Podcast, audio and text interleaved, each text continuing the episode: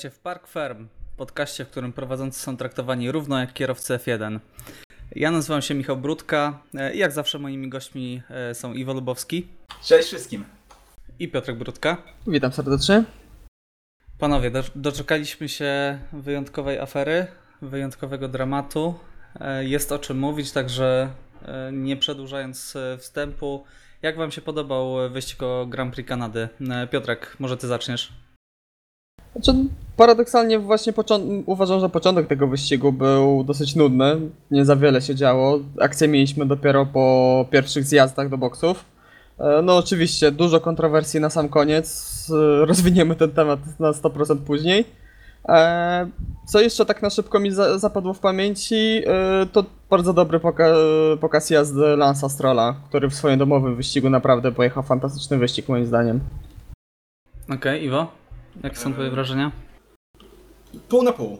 E, Z tego względu, że częściowo, i tutaj chyba się zgodzimy, no wyścig e, przez może nie większość czasu, ale przynajmniej gdzieś tak przez połowę, no był dosyć nudny, był troszeczkę pociąg i było to widać, ale no były momenty ekscytacji, jak na przykład walka Bottasa z Ricciardo, co możemy nazwać walką tak naprawdę, a nie, a nie zwykłym e, wyprzedzaniem.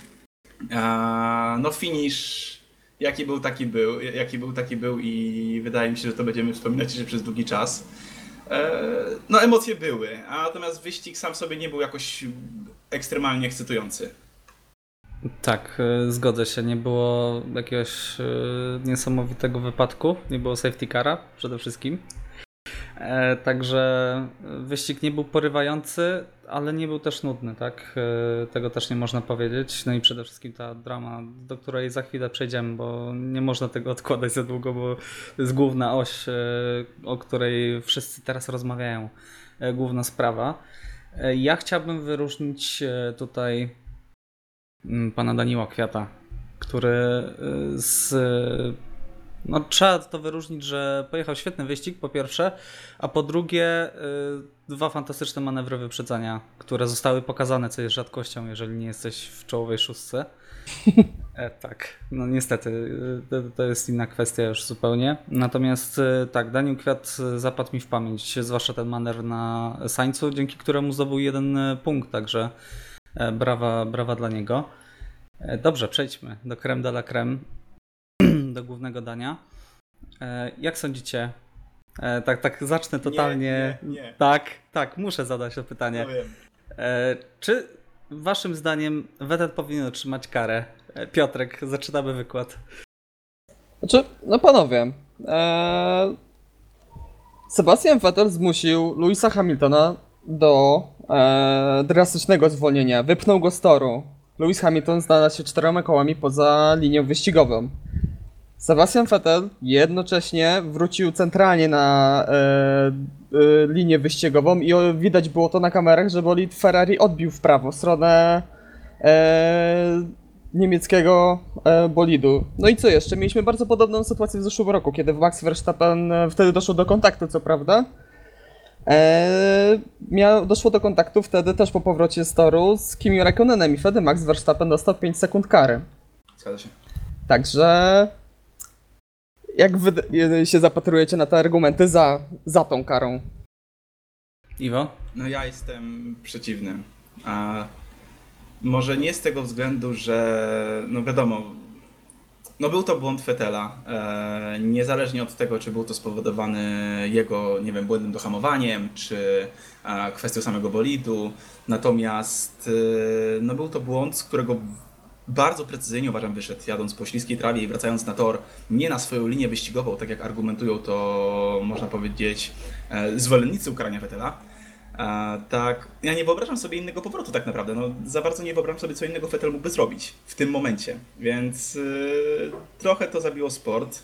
A to, co Vettel powiedział przez radio.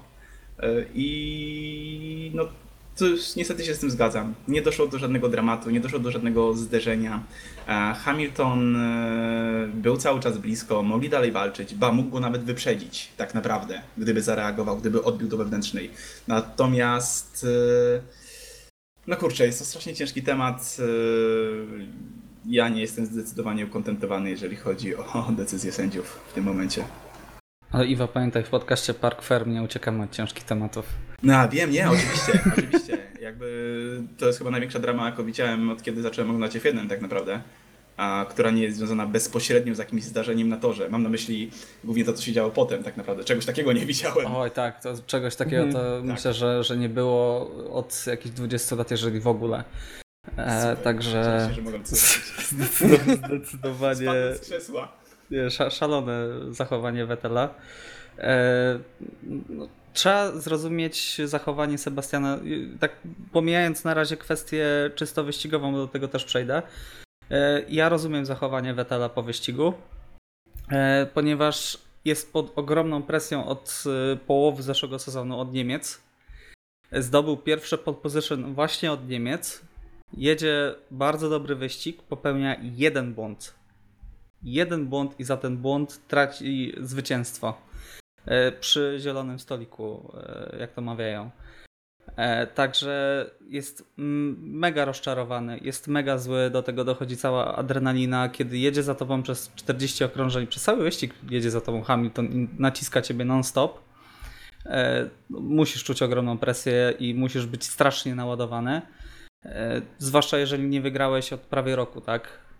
A jeździsz w Ferrari w topowym zespole i straciłeś w takich, a nie innych okolicznościach e, Mistrzostwo Świata w zeszłym sezonie, tak? Także w końcu masz szansę, w końcu mm, czujesz, że, że to jest ten dzień, ten wyścig.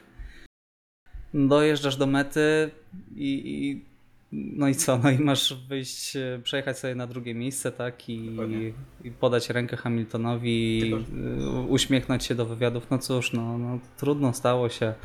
To jest, Ale- to jest ta formuła, y, przepraszam, że jeszcze, dokoń, jeszcze dokończę. To jest takie zachowanie, y, no, pokazuje, że, że ci kierowcy są jeszcze ludźmi, a nie tylko produktami PR-owymi swoich zespołów.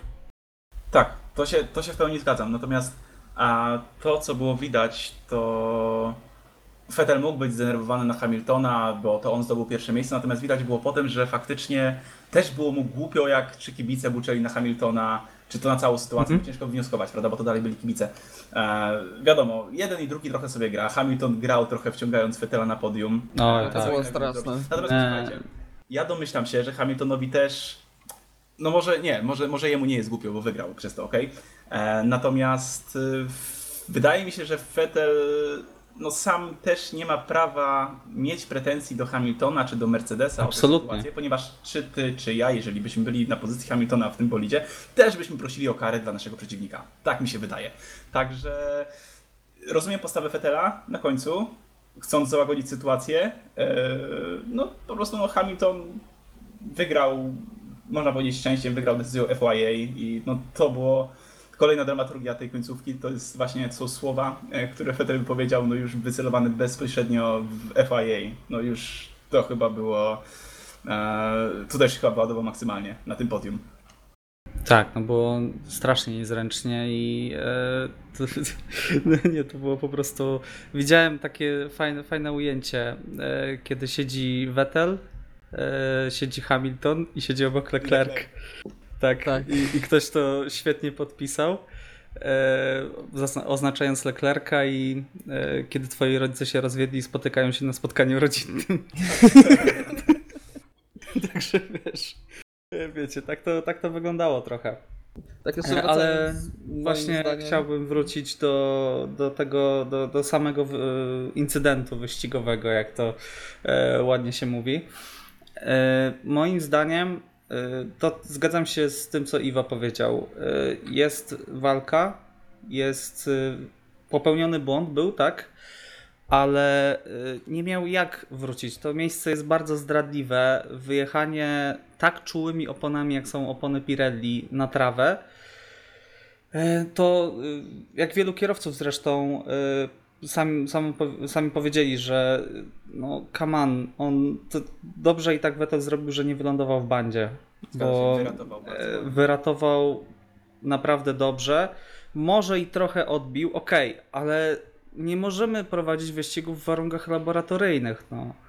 No, takie decyzje, które y, no, zabijają y, sportową rywalizację, no jak trochę mu zajechał, okej, no trochę mu zajechał, no ale co? Hamilton jakoś, nie wiem, zniszczyło mu to wyścig? E, Czy, czy miał jeszcze 20 parę okrążeń na atakowanie Vettela, a miał lepsze tempo To wyścigowe, co kontaktu nie pokazał doszło. później. Nie to doszło do żadnego kontaktu. No, come on. Dla samego sportu. Dla samego, Dokładnie, dla samego można to sportu. zostawić. Jak w przyszłości będzie taka sytuacja, to ja chcę widzieć walkę na torze. Nawet jak jeden trochę, y, nie wiem, zajedzie drogę drugiemu, tak? Y, W takiej sytuacji. Ale żeby była walka, tak? Żeby kierowcy nie bali się tego, że lekko mu zajedzie drogę, dostanie 5 sekund i przegra wyścig. No ja tego nie rozumiem. Piotrek, jak ty odpowiesz na, na te argumenty? Znaczy, nie, ja się w, w pełni z wami zgadzam, tylko tak zacząłem swoją wypowiedź, żeby tutaj nasza dyskusja odnośnie tej kontrowersji się nie skończyło do, do tego, że no tak, zgadzam się, jestem przeciw. E, ale szczerze powiedziawszy, to mnie to martwi e, pod względem czysto sportowym, bo jeżeli FIA będzie rozdawało takie kary, e, to za parę lat jedyne manewry, walki, wyprzedzenia czegokolwiek, to co będziemy widzieli w strefie DRS, bo kierowcy będą się bali o karę Mhm. po prostu. Dokładnie tak. Ja sobie przypominam kontakt Strolla z, z Lando Norrisem w Hiszpanii w tym roku. Zostało to uznane jako incydent wyścigowy. A tutaj za takie coś e, mamy 5 sekund karę. No, dla mnie to jest kompletnie co, coś niezrozumiałego. Tym Mhm. bardziej, że jeżeli oglądamy onboard e, z e, bolidu Sebastiana Vettela, e, to tam nie ma ruchu kierownicą w prawo. Tak. Se Sebastian Vettel patrzył w lusterko, ale nie było ruchu kierownicą w prawo. Na początku był ruch był mocny w, w prawo, ale to widać było, Ale to była kontra, po prostu. Była kontra i także no nie wiem, zobaczymy, bo e, plany są Ferrari, aby, e, aby złożyć apelację odnośnie tego, także chociaż wątpię, żeby była zmieniona decyzja, bo Tak. to naprawdę byłaby jeszcze, chyba jeszcze większa kontrowersja wtedy. Były takie sytuacje, Piotrek, jeżeli chodzi o Formułę 1 dawno temu, ale były, że nawet tydzień po wyścigu zebrano e, bodajże Fisicheli zwycięstwo i dano Raikkonenowi. E, Natomiast, e, tak jak powiedziałeś, Ferrari, w myśl przepisu, bo sobie to zapisałem, e, apelacja musi zostać zgłoszona w ciągu 96 godzin od wyścigu i to zrobiono. Cała sprawa teraz została przekazana do Międzynarodowego Trybunału Apelacyjnego FIA, ale sąd może stwierdzić, że taka apelacja jest niedopuszczalna. I idąc za literą przepisów stricte, taka kara na to, że nie podlega apelacji. Także. E, Ale jak dobrze wiemy, w e, Formule 1 rozgrywki polityczne równi równiejsi i równie dobrze FIA może się ugiąć pod przeważającą presją, bo też za- zapisałem sobie, kto jest przeciwny karze. Nigel Mansell, Jenson Button, Alex Wurz, Mark Webber, Damon Hill, Mario Andretti, nawet Karun Chandok. No, no okej, no to Martin Brundle. Martin Brundle. No, jak jeżeli Martin Brundle jest przeciwny e, karze, w której, e, na której zyskał Hamilton, no to wiedz, że coś się dzieje, tak? A to można zauważyć nawet na social, w social mediach tak naprawdę. Tak. Wiadomo, tam każdy może napisać wszystko, natomiast kiedy widzisz, że ktoś się przyzna, i tak jestem fanem Mercedesa, jestem fanem Hamiltona, natomiast dla sportu chciałem zobaczyć, jak walczył do końca. No, ta kara była bezsensowna po prostu. I mówili to fani no Mercedesa, najzwyczajniej w świecie. U mnie najbardziej zapadło w pamięci, jak oglądałem dzisiaj skrót wyścigu e, i właśnie w trakcie, kiedy był komunikat, że Vettel dostaje 5 sekund kary, to Martin Brundle, Brundle właśnie skomentował to bardzo cicho i krótko, oh come on. Tak, dokładnie. Także to bardzo dużo mówi.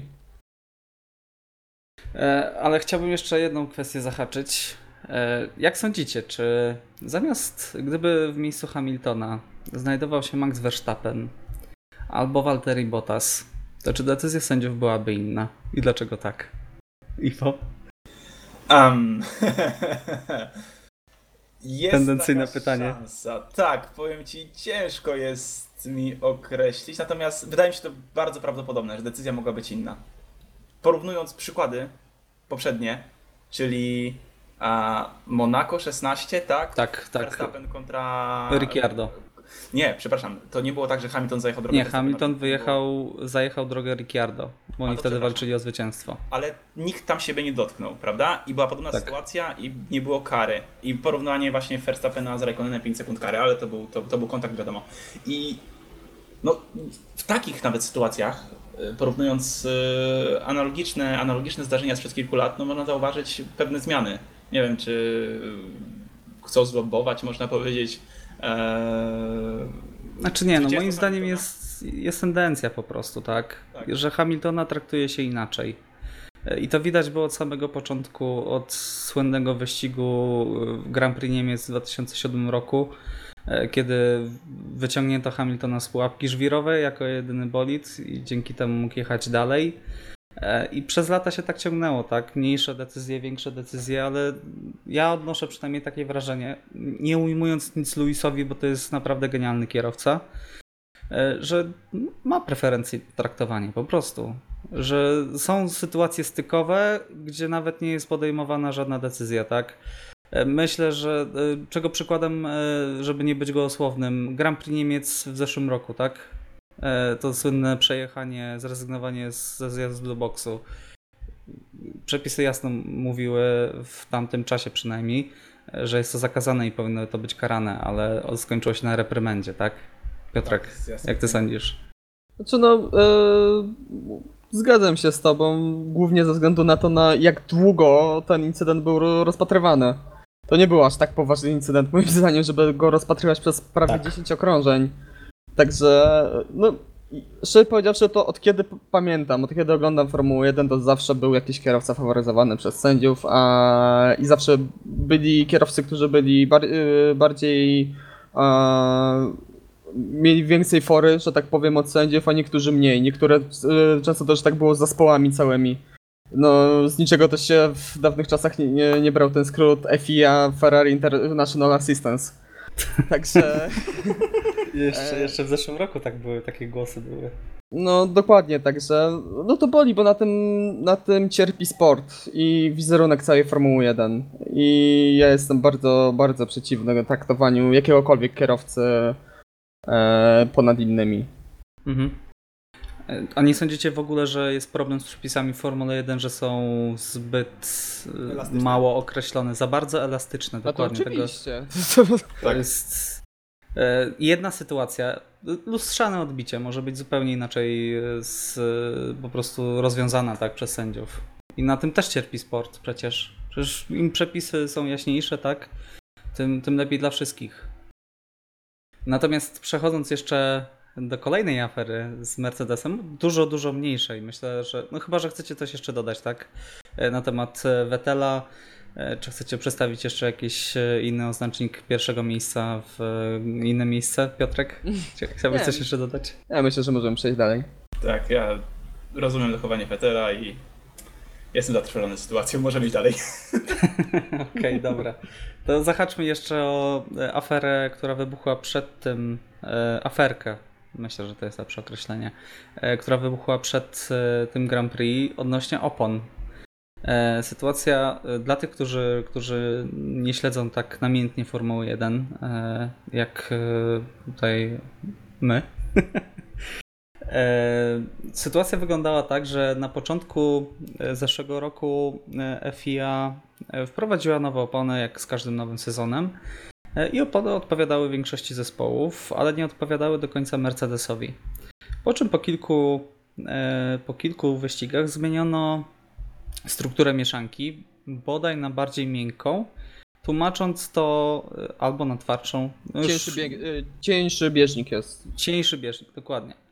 E, tłumacząc to względami bezpieczeństwa.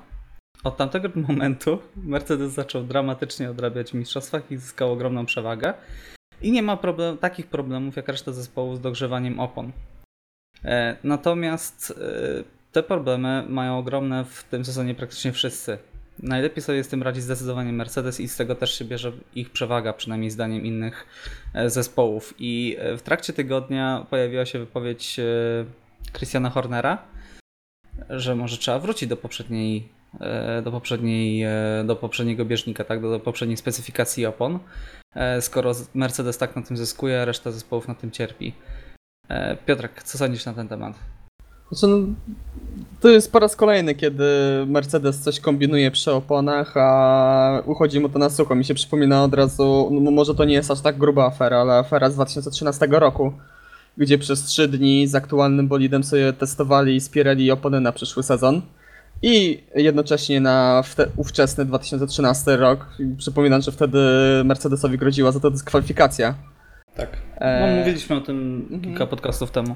E, ale uważam, że powinno to zostać zmienione. Nie, nawet nie chodzi tutaj o samą e, korzyść Mercedesa, ale o widowisko, bo też trzeba wziąć pod uwagę, że od tego sezonu e, st- opony zakładane na boli są o wiele bardziej, e, mają o wiele niższą temperaturę.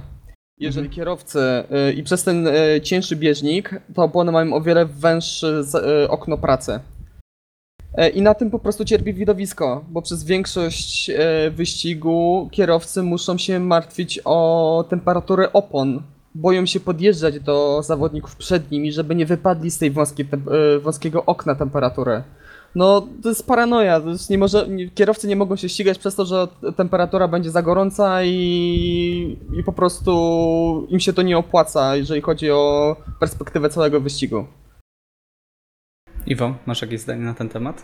Mm, Znaczy tutaj popieram Piotrka, bo przede wszystkim argumentem o jakość widowiska.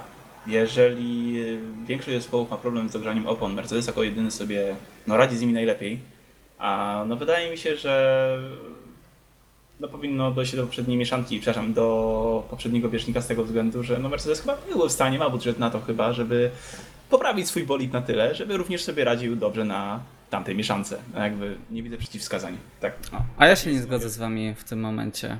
E, moim zdaniem zmienianie e, reguł gry w trakcie gry jest nie fair po prostu. Jak nie fair było w zeszłym sezonie i to krytykuję, tak w tym sezonie, jeżeli byśmy wrócili do poprzedniej specyfikacji tylko dlatego, że jeden zespół sobie radzi z tym lepiej niż inne, no jest nie fair po prostu moim zdaniem. Zespoły miały tyle samo czasu w tym sezonie podczas zimowych testów na przygotowanie się do opon, na dostosowanie swoich e, bolidów do tych opon, które zresztą były już e, testowane podczas ostatnich testów w Abu Zabi po zakończeniu sezonu. E, Więc moim zdaniem było sporo czasu, tak? Wiadomo, że oczywiście nie można tego nadrobić, mogą mieć z tego tytułu jakąś przewagę, tak? Ale moim zdaniem powinniśmy zostać na tej specyfikacji do końca roku, mimo wszystko. I po prostu popracować nad tym błędem, tak? Na przyszły sezon, tak? A nie karać tylko dlatego, że ktoś sobie lepiej radzi niż reszta. E, Nie wiem, nie wiem, czy się zgod- No ale z z drugiej strony, tak czysto teoretycznie, no bo wiadomo, że te zmiany zostały wprowadzone, żeby zmniejszyć efekt yy, tego pęcherzykowania, czy tam blisteringu, zależy jak, jak to nazywamy. E, teraz się zacząłem zastanawiać, co jest bardziej niebezpieczne. O wiele węższe yy, okno pracy, przy czym wiemy jak się zachowują bolidy, kiedy nie są w tym oknie pracy, że drastycznie spada przyczepność. E, czy to, że niektóre zespoły gorzej sobie radzą z zużywaniem tych opon? Nie, Piotrek, ty- No. ten, ten, ten tłumaczenie, że to względy bezpieczeństwa, to też była polityka, nie No oszukujmy właśnie się. o tym mówię, no. Wiesz dlaczego, wiesz dlaczego tutaj zastosowano ten powód? Bo tego powodu nie da się zawetować w jakikolwiek sposób. Wiem doskonale, dlatego Który zespół powie stronę. ci, że nie, nie, nie. To, to, jakie względy bezpieczeństwa? O czym wy mówicie? Przecież to jest wtedy taki strzał w stopę, że nie podnieśliby się po tym, tak? E, wizerunkowo oczywiście. Także ciężki temat, na pewno ciężki temat. No, ile można zrobić, żeby widowisko stało się lepiej? I wracamy do punktu wyjścia, jeżeli chodzi o równe traktowanie wszystkich w Formule 1, czy, które nie istnieje po prostu, tak? Nigdy nie istniało. I nigdy nie istniało, tak? Są równi i równiejsi, zawsze tak było i pewnie zawsze tak będzie. Są ogromne, to jest ogromny biznes przede wszystkim, tak? Nie wszyscy grają czysto. No, przede wszystkim nikt nie gra czysto, tak? pytanie, pytanie, kogo przyłapiesz na, na czym, tak? Kto się lepiej kryje. Znaczy no, podwaliny Formuły 1 zostały już błędnie zbudowane. Między innymi prawo weta dla Ferrari, które dla mnie do dzisiaj jest niedorzeczne naprawdę. Nie przechodźmy na temat Ale Beta Ferrari, bo tutaj będziemy rozmawiać przez 50 minut jeszcze. E, natomiast mamy jeszcze mnóstwo tematów. Myślę, że to jest czas, żeby zająć się e, panem Finem, panem Walterim Bottasem, który traci już w mistrzostwach 29 punktów do e, Louisa Hamiltona. Czy to jest. e, Czy skończył się Bottas 2-0 w tym momencie? od e, w ostatnich dwóch wyścigach i czy widzicie jeszcze jakieś szanse? Piotrek, zwłaszcza ty, ciebie chcę zapytać, bo ty jesteś wielkim fanem Walteriego. E, Co się dzieje z Walterim twoim zdaniem? Czy cokolwiek się dzieje twoim zdaniem z Walterim i czy jak widzisz jego szanse jeszcze na walkę z Hamiltonem? Ja myślę, że nic poważnego się nie dzieje. No, popełnił e, bardzo mocny błąd w kwalifikacjach w Q3, kiedy na początku go obróciło, miał tego półobrót, a później no widać było, że tam e, za bardzo się starał, za bardzo chciał cisnąć i za dużo błędów popełnił. A później w wyścigu, no po części to, co powiedziałem wcześniej, e, nie był w stanie dojechać do końca e, do Ricciardo ze względu na temperaturę silnika i opon. I dlatego się tak długo za nim męczył, bo po prostu nie był w stanie, po prostu zespół martwił się o jednostkę napędową i o opony w kontekście całego wyścigu. I kiedy w końcu udało mu się wyprzedzić zarówno Red Bulla, jak i Renault, no to strata już była za duża i wyścig dla niego był skończony, a wcześniej w Monaco no, miał pecha, po prostu został wepchnięty w ścianę przez Maxa Verstappena, także dosyć Okej. pechowo i A- myślę, że ja, ja wierzę, że jest jeszcze w stanie powalczyć w tym sezonie Valtteri Bottas. Mając 29 punktów straty nawet? Tak. Różne rzeczy mogą się wydarzyć. No słuchaj, głupi kontakt z kimkolwiek e, Louisa Hamiltona wypadnie z wyścigu, traci, traci bardzo dużo punktów. Już robi się o wiele wężej, także nawet połowy sezonu nie mamy, także wszystko może się wydarzyć. Mhm.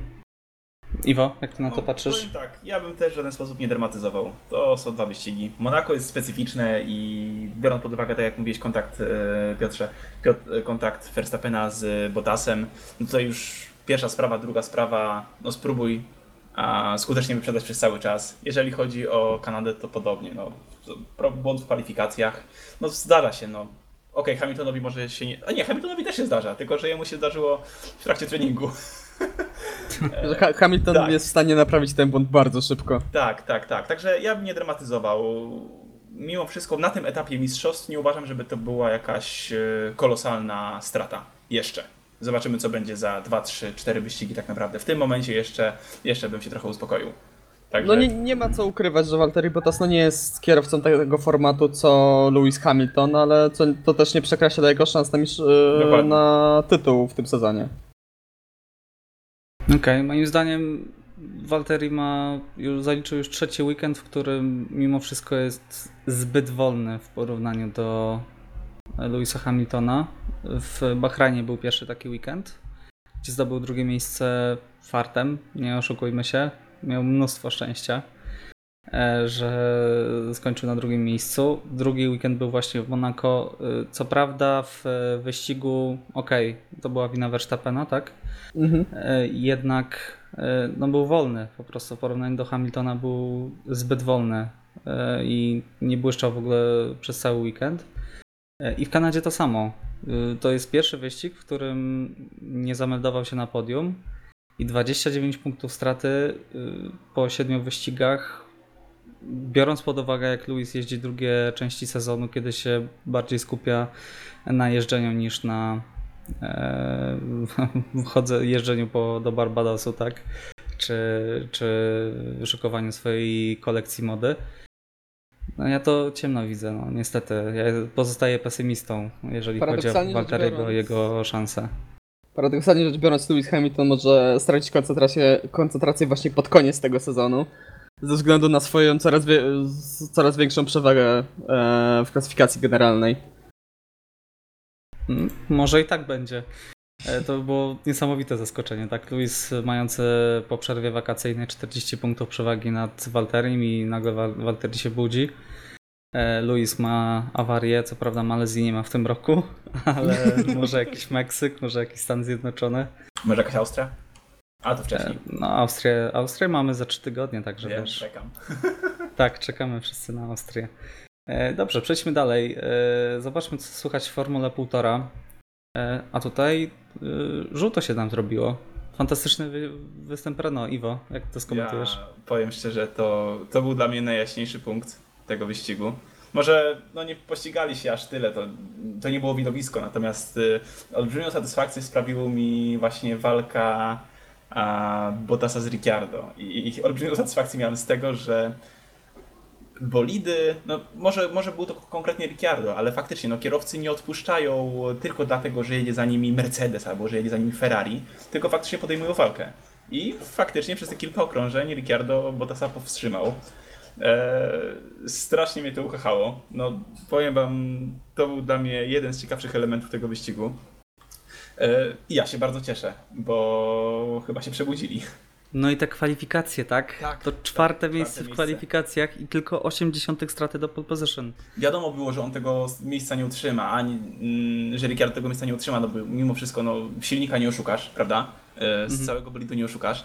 E, Natomiast, e, no tak, tak, to było, to było coś, to też było potrzebne Ricciardo, a, który no, no nie miał najlepszego początku sezonu. Tak Oj, naprawdę. fatalny miał początek sezonu. że nadzieje były olbrzymie, szczególnie wśród fanów. No i myślę, że no Ricciardo też miał większe nadzieje, jeżeli chodzi o ten początek, e, o te kilka pierwszych e, wyścigów. Mhm. Myślę, że trzeba też pochwalić Nico Hulkenberga, który pu- punktował dopiero drugi raz w tym sezonie. E, Pojechał klasyczny wyścig Hul- Hulkenberga, tak?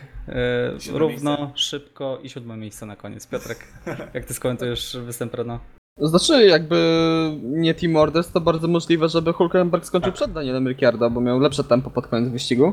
E, Znaczy, nie wiem, czy też mieliście takie wrażenie, ale mi się wydawało, że Renault było naprawdę bardzo szybkie na prostych, bo nie tylko sobie bardzo dobrze radziło Renault, ale też bardzo dobrze sobie radził McLaren. E, Szczególnie w kwalifikacjach na wyścig poszedł im fatalnie, nie po ich myśli, ale no, siła wyższa nie, poniekąd.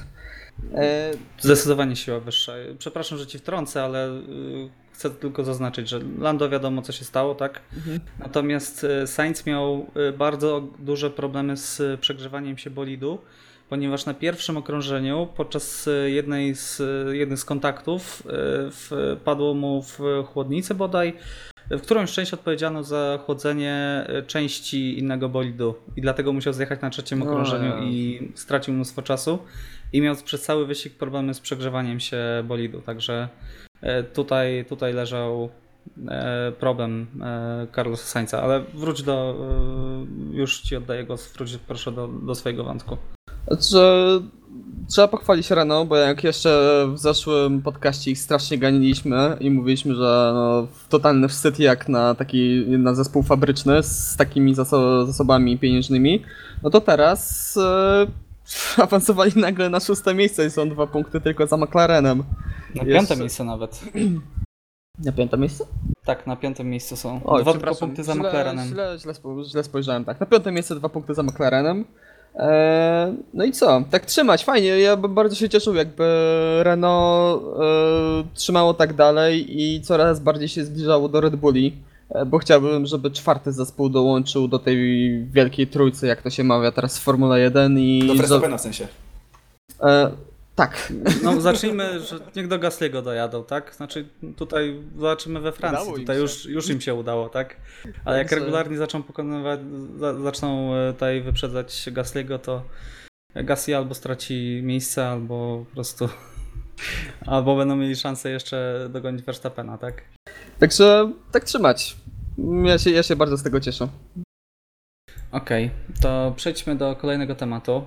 e, Do tematu Hasa. Chwaliliśmy bardzo Hasa w ostatnich odcinkach, e, ponieważ e, wyglądało na to, że zaczyna się na dobrą sprawę ich sezon e, dopiero od Hiszpanii, gdzie było przełamanie.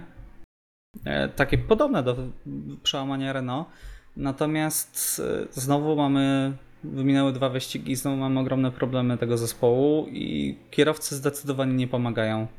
E, Piotrek, e, czy Twoim zdaniem Haas powinien po tym sezonie poważnie rozmyśleć zmianę składu, całkowitą zmianę składu, zarówno jeżeli chodzi o Magnusena, jak i Grożana?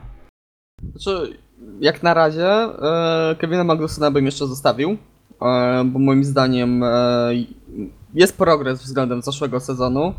Nie jeździ już tak agresywnie, albo przynajmniej nie ma ku temu możliwości. E, I jest o wiele bardziej skuteczny niż jego kolega zespołowy. No, jak dla mnie Roman Grosjean jest po prostu do zwolnienia. I popełnia dużo błędów, kompletnie wyciąga wniosków i za każdym razem nie widzi e, jakiegokolwiek błędu ze swojej strony, także dla mnie on już jest kompletnie skreślony. Iwo? Jakie jest twoje zdanie? Znaczy ja jestem tego samego zdania. Też chciałem właśnie wspomnieć o Magnusenie, w sensie jeżeli chodzi o Magnusenie, o Magnusena a, stołek, to no, on może czuć się bezpiecznie, tak mi się wydaje, bo tak, widać progres, a Grożan, no miałem duże nadzieje a, na to, że mając taki bolid, a, oceniany jako czwarty najlepszy bolid w stawce, będzie w stanie powalczyć, ale no, no nie za bardzo. I tutaj przynajmniej Grożana uważam warto było zamienić. Wszyscy wiemy, jakiego kierowcę chcielibyśmy zobaczyć na jego miejscu. Giovinazziego, tak? E, moim zdaniem e, jeden i drugi kierowca jest do wymiany. Moim zdaniem nie wyciągają wszystkiego z tego bolidu. Prawda, mają cały, cały czas ogromne problemy z dogrzewaniem opon i moim zdaniem Magnussen po prostu nie ma czym się ścigać i gdyby mógł się, e, miał czym się ścigać, to jeździłby tak samo. Nic się nie zmieniło w jego podejściu, tylko po prostu nie ma szans walczenia, tak, albo blokowania nawet innych bolidów. E, A Kraksa w e, Q3, Q3 w Q2, przepraszam, e, spowodowała, że no, zespół miał mnóstwo roboty, a on jeszcze w niedzielę narzekał na tempo, tak? Oj, I to mówił, że to jest bardzo nieeleganckie z jego strony. nie robi się takich rzeczy. Kiedy No. roztrzaskujesz ze swojej winy bolid i powodujesz, że ludzie pracują po nocy, żeby w ogóle, żebyś w ogóle pojechał, po czym mówisz, że to jest twoje najgorsze doświadczenie kiedykolwiek, no to hello. No, no, nie robi się takich rzeczy. E, Nie, nie zbudujesz sobie przyjaciół w, w garażu, jeżeli będziesz e, opowiadał takie rzeczy, tak? Zwłaszcza, że to idzie w eter i zostało to od razu podchwycone. E, zwłaszcza, że wypowiedział się Günther Steiner. Bar bardzo szanuję za tą odpowiedź od razu, Tak. naprawdę. No zgasił, po prostu zgasił. Tak. Później jest, jest jeszcze nagranie, jak przeprasza po, po wyścigu, tak? E, ale, no, ale słowo się rzekło, tak?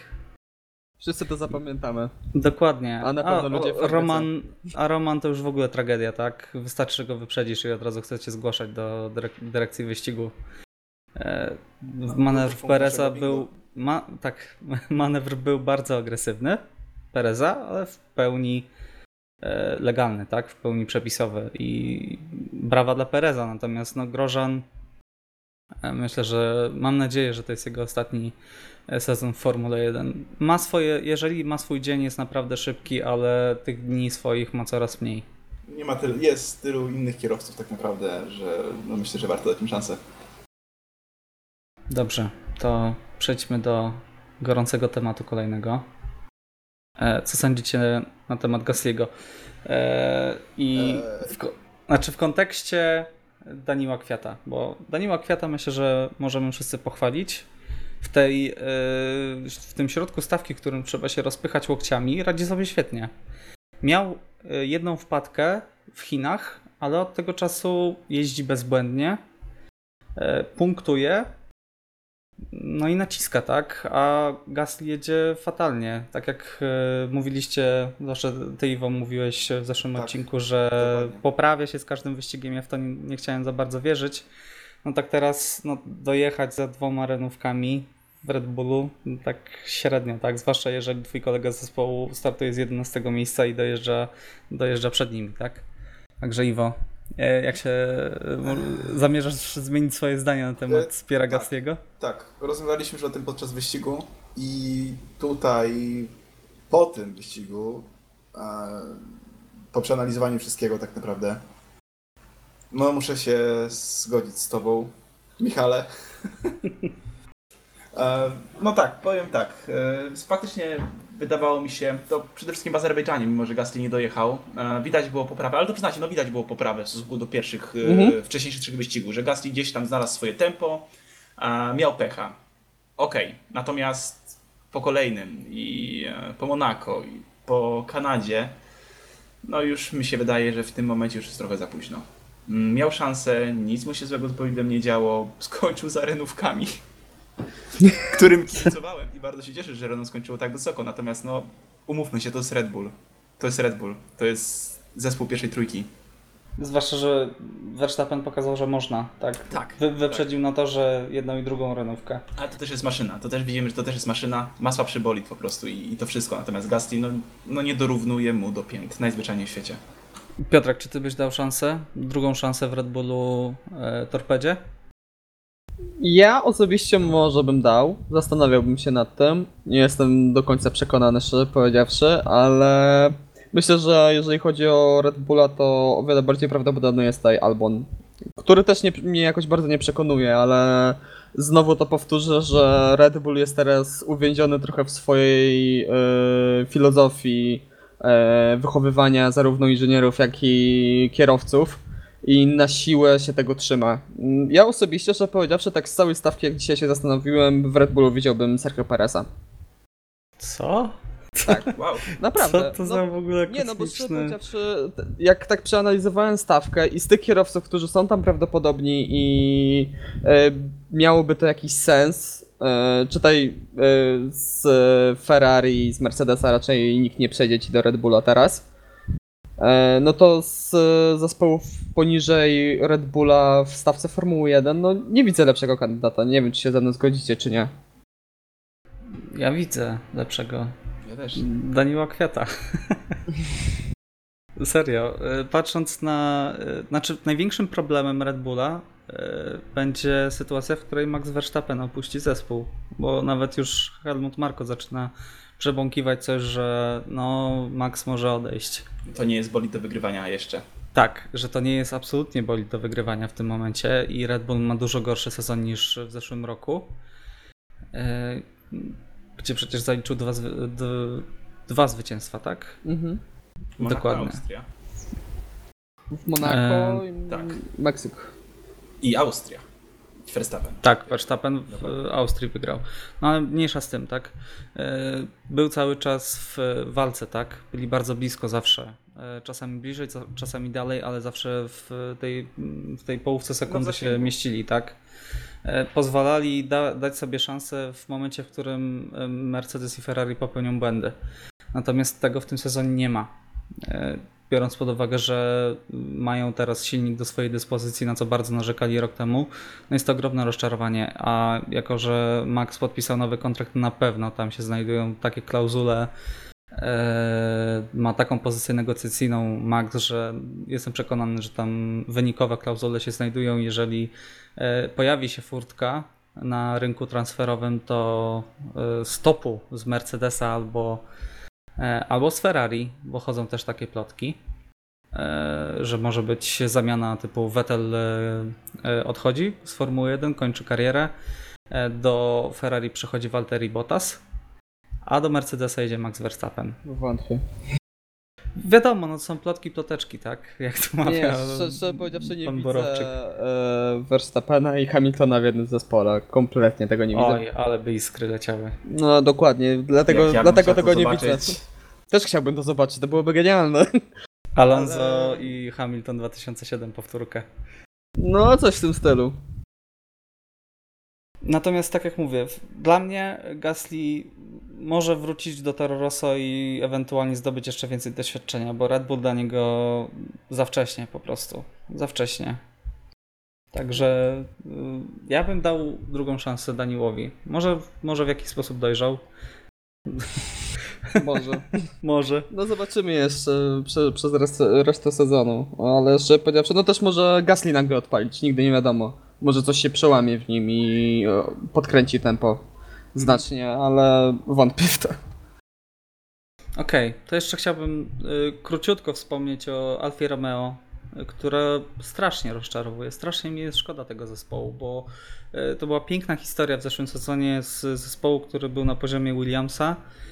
E, Pojawił się Williams w tym podcaście. Wow, na samym końcu. A praktycznie. jednak. A jednak, dokładnie. E, Z poziomu Williamsa zaczęli punktować, natomiast y, tutaj zaczęli przyzwoicie, a w testach zimowych e, mówiono, że to będzie czarny koń tego sezonu, że są niesamowicie szybcy, że mają fajną koncepcję e, bolidu, że mają dwie specyfikacje przygotowane bolidu i sprawdzają, która jest szybsza.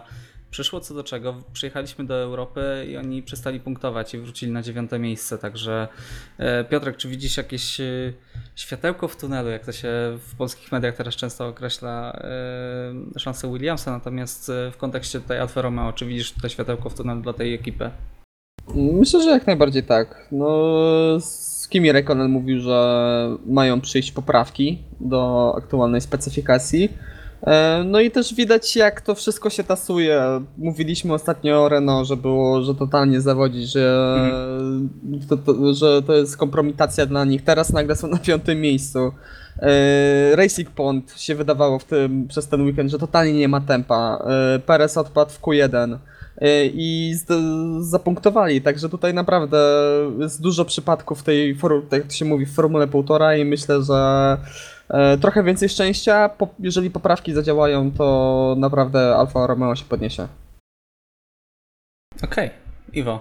Tak, Ja- znaczy, ja uważam podobnie z tego względu, że znaczy w sumie argumentacja podobna do Piotrka. E, mieli bardzo słaby wyścig, naprawdę bardzo słaby wyścig w tym momencie.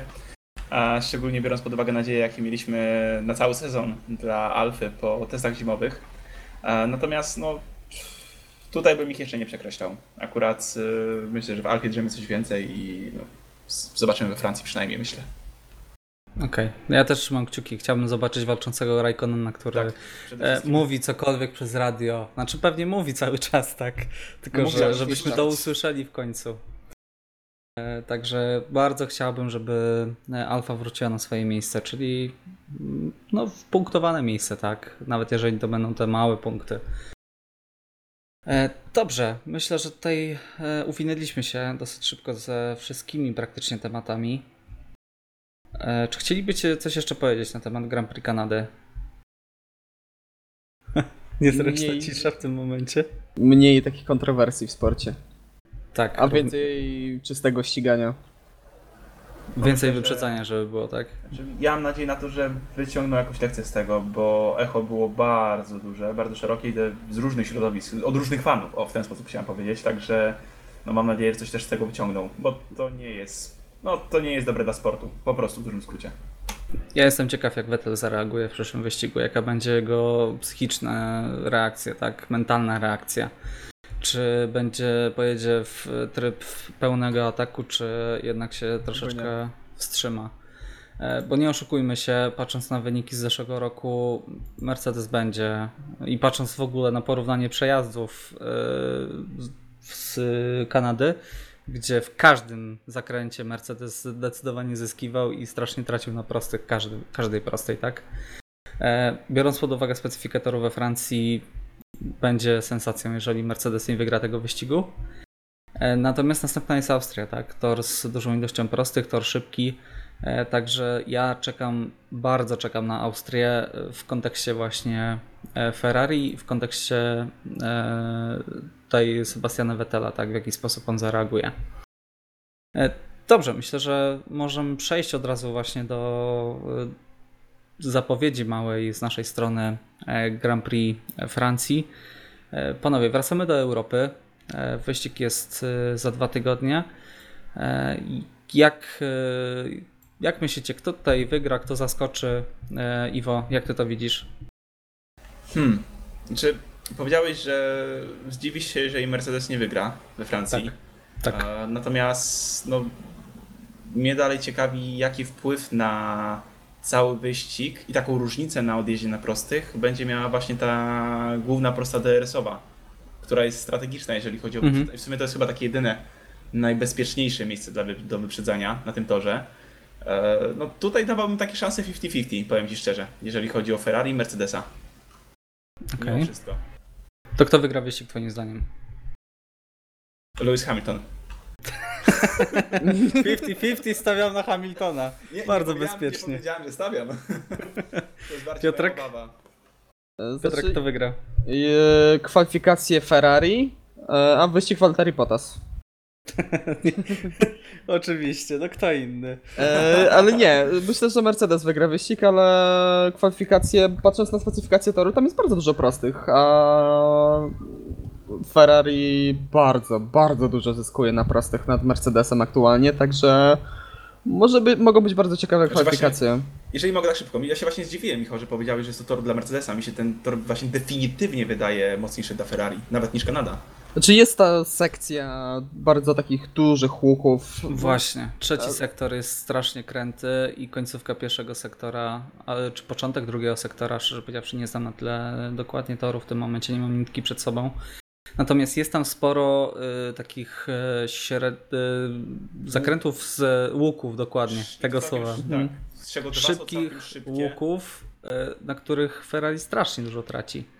E, Jest wolna sekcja też, e, w której, jak sobie przypomnę Hiszpanię, to no, strach po prostu przed tym, ile tam Ferrari może tracić. Natomiast oczywiście ja patrzyłem głównie na zeszły sezon, tak, gdzie w Kanadzie Ferrari e, zdominowało absolutnie wtedy e, i kwalifikacje, i e, Vettel wygrał wyścig zdecydowanie.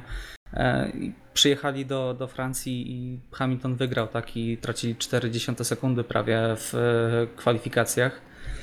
Także no zobaczymy, no trzymam kciuki, żeby była tak wyrównana walka i tak emocjonujące kwalifikacje e, jak w, tutaj w Kanadzie, tak? Zobaczymy, no natomiast e, Formuła 1 to jest sport, w którym jeździ 20 bolidów, a i tak na końcu wygrywa Mercedes. No aktualnie niestety tak. A wyścig, szczerze powiedziawszy, myślę, że będzie przynajmniej z mojej perspektywy nudny, bo tam nie ma gdzie wyprzedzać. No chyba, że na tej długiej, prostej z użyciem DRS-u, a wiecie Tak. jakim fanem jestem wyprzedzania w strefie DRS. No rok temu było to samo, była ta sama mowa i się spełniła niestety, jeżeli chodzi o Francję. No to może dla odmiany w tym roku będzie ciekawie. Oby. Oby. Dobrze, i myślę, że tym optymistycznym akcentem możemy zakończyć.